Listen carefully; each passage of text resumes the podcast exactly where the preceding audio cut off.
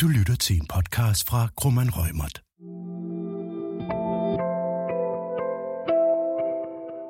I denne podcast kan du høre partner i Grumman Rømert, Susanne Julin, i et interview, der handler om derivater og reglerne om initialmarken. Jeg er partner i Krummernd Rømert med speciale i finansiel regulering.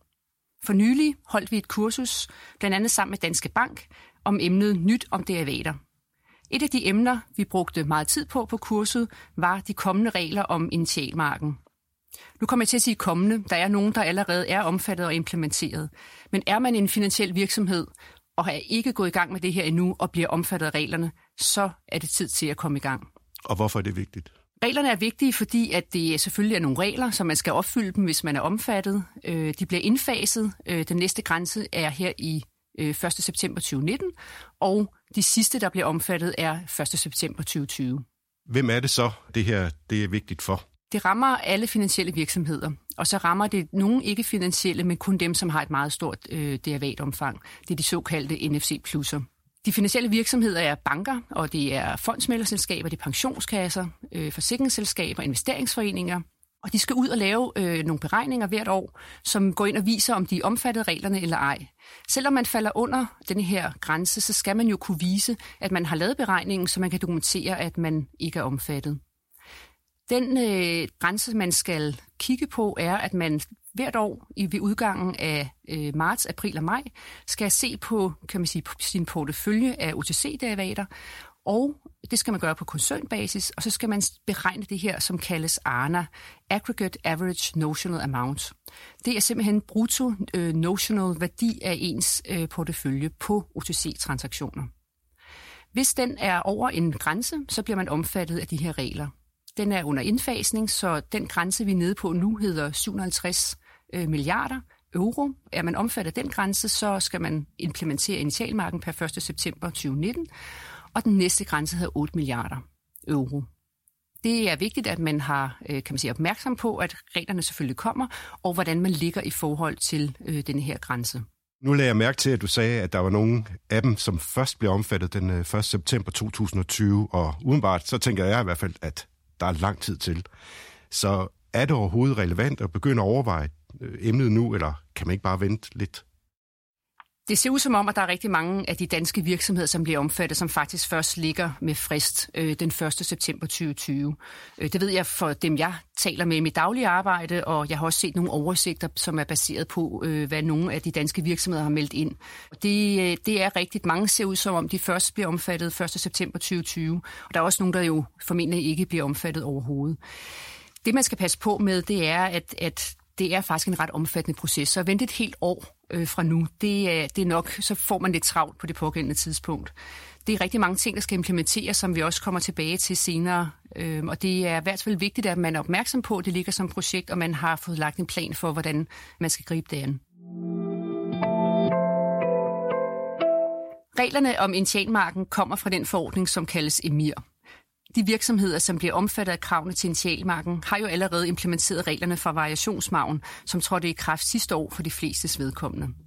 En af forskellene mellem de to typer af marken, som skal stilles, er, at initialmarken skal stilles som et pant, hvor variationsmarken blev stillet i form af sikkerhedsstillet til eje, ofte refereret til som transfer of title sikkerhed. Kan du forklare nærmere, hvad det har af konsekvenser? Det er ret vigtigt, at man er opmærksom på denne grundlæggende forskel i relation til reglerne om variationsmagen. Når man stiller initialmagen som et pant, så betyder det, at begge parter skal stilles til hinanden. Det betyder også, at man ikke kan nette de to beløb ud mod hinanden, for så går ideen tabt.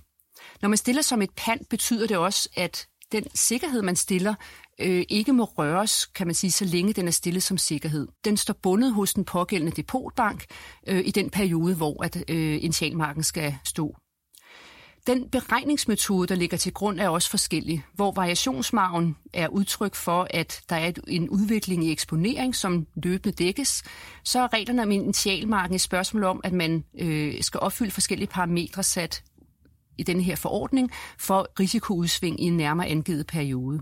Det betyder også, at man skal bruge en model til at beregne initialmarken hvor at man enten kan bruge den model, som står i den pågældende forordning, som også kaldes GRID-modellen, eller man kan bruge en af de, øh, den model, som ISTA har været med til at udvikle, som hedder SIM. Den omstændighed, at man skal bruge en model til beregning, betyder også, at der er behov for, at man øh, afsætter tid til at forstå de her modeller, og også øh, tager stilling til, hvordan, hvad, hvad for en model man vil bruge, og hvordan man vil implementere den.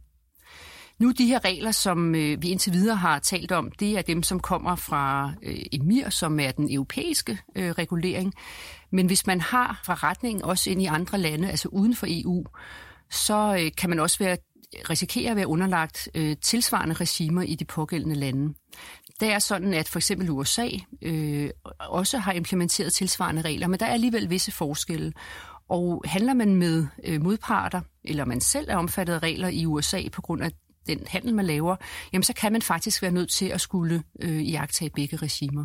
Det, det ved mange også fra den dag, vi implementerede variationsmagen, øh, men det, og det er det samme koncept, som man nu skal være opmærksom på her. I denne her sammenhæng bruger man i dokumentationen denne her koncept, der hedder strictest off. Det vil sige, at man skal altid sørge for at opfylde det, det strengeste regulering.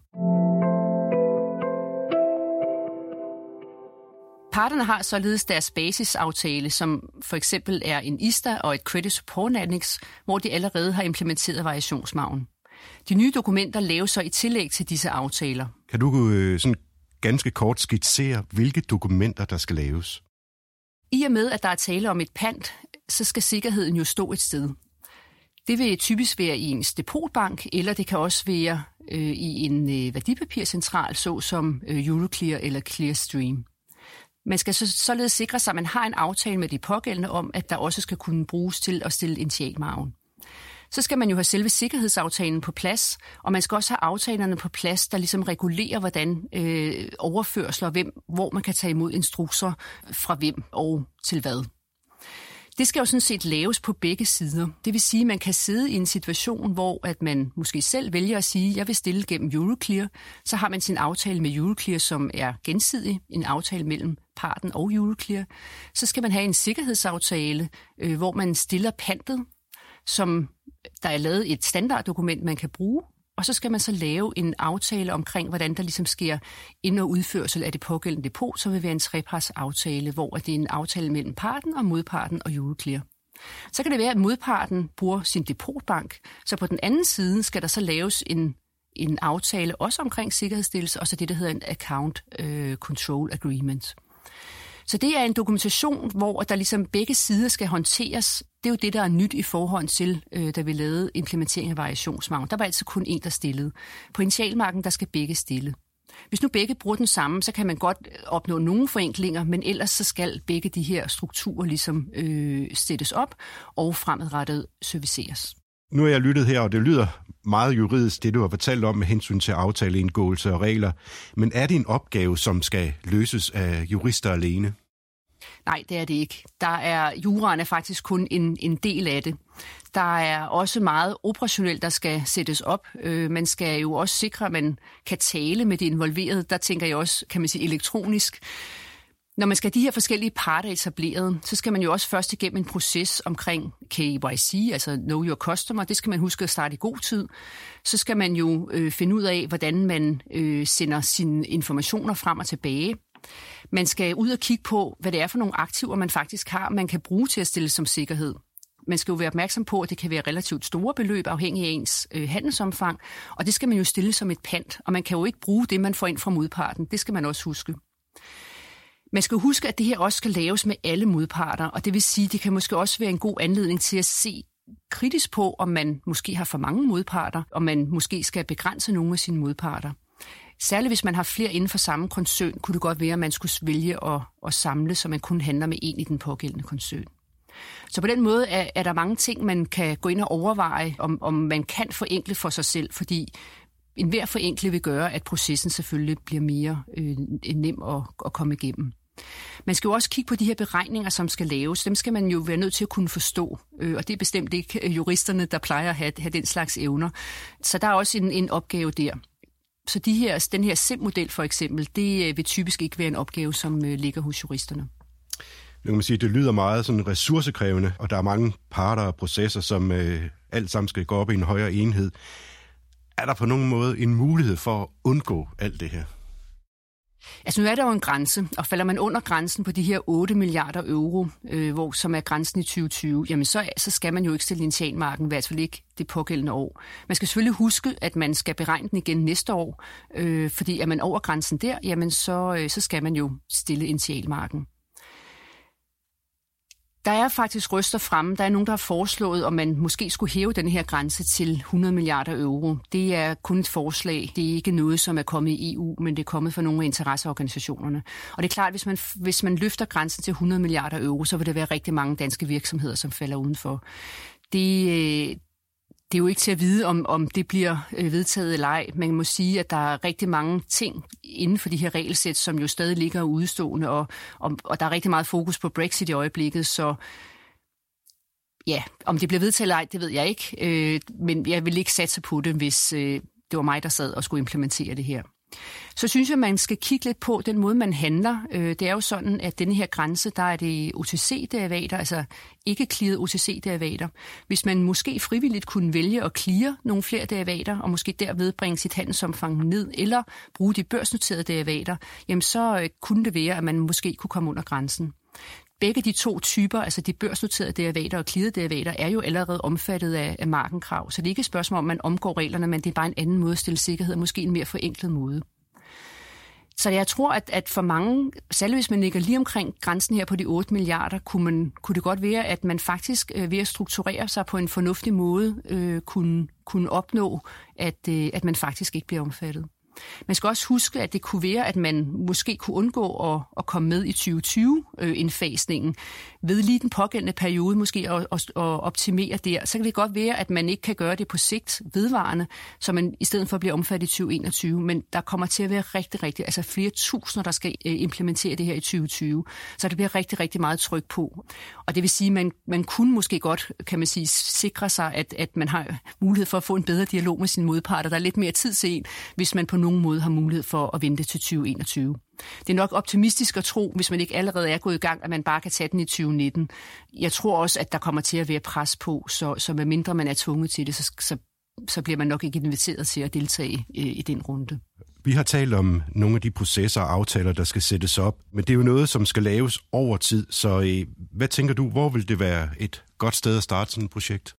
Jeg synes, det er vigtigt, at man egentlig starter med at kigge på sin portefølje og, og få kigget på grænsen og, og set, om, øh, om, om man bliver omfattet, eller, eller man måske kan undgå måske bare en, en kort periode. Hvis det ser ud som om, at det her bliver en realitet, jamen så øh, må man simpelthen gå i gang med at lægge en plan. Det er vigtigt, at man får fortalt i sin organisation, at det her ligger som et projekt, og det er et meget omfattende projekt. Man må i gang med at kigge på, hvilken, altså hvem man vil vælge til at, at stille sin sikkerhed igennem. Det er jo et valg, man selv har. Skal det være ens depotbank, eller skal man bruge nogle af de andre udbydere, f.eks. Euroclear eller Clearstream? Så skal man bruge ressourcer på at sætte sig ind i denne her metode øh, til beregning, hvor at, at det, der er markedspraksis, må man nok sige, er denne her SIM-metode. For juristerne kan man jo gå i gang med at læse, ja, først reglerne selvfølgelig, og så øh, dokumenterne. Og så er det en god idé at gå i gang med at finde ud af, altså hvem skal man ellers bruge af service provider, der skal levere service øh, til en, for at det her kan komme op og køre. Der er rigtig mange steder, for eksempel på ISTA, hvor man kan sidde løbende og følge med i information om at, at, at blive klogere, kan man sige, på de her emner. Og så skal man bare være opmærksom på, at, at ja, for simpelthen afsat de, de, den tid og de ressourcer, som er nødvendige, og så øh, ja, stille og roligt komme i gang. Du har lyttet til en podcast fra Krummeren Rømert. Podcasten er udtryk for vores specialisters opfattelse af retsstillingen på nuværende tidspunkt. Vær opmærksom på, at retsstillingen godt kan udvikle sig løbende i takt med, at der kommer ny praksis på området. Hvis du ønsker at vide mere om emnet, så kan du tilmelde dig vores nyhedsbreve eller finde mere indhold på vores lønningscenter på grummanrøgmert.com. Du er også velkommen til at kontakte vores specialister.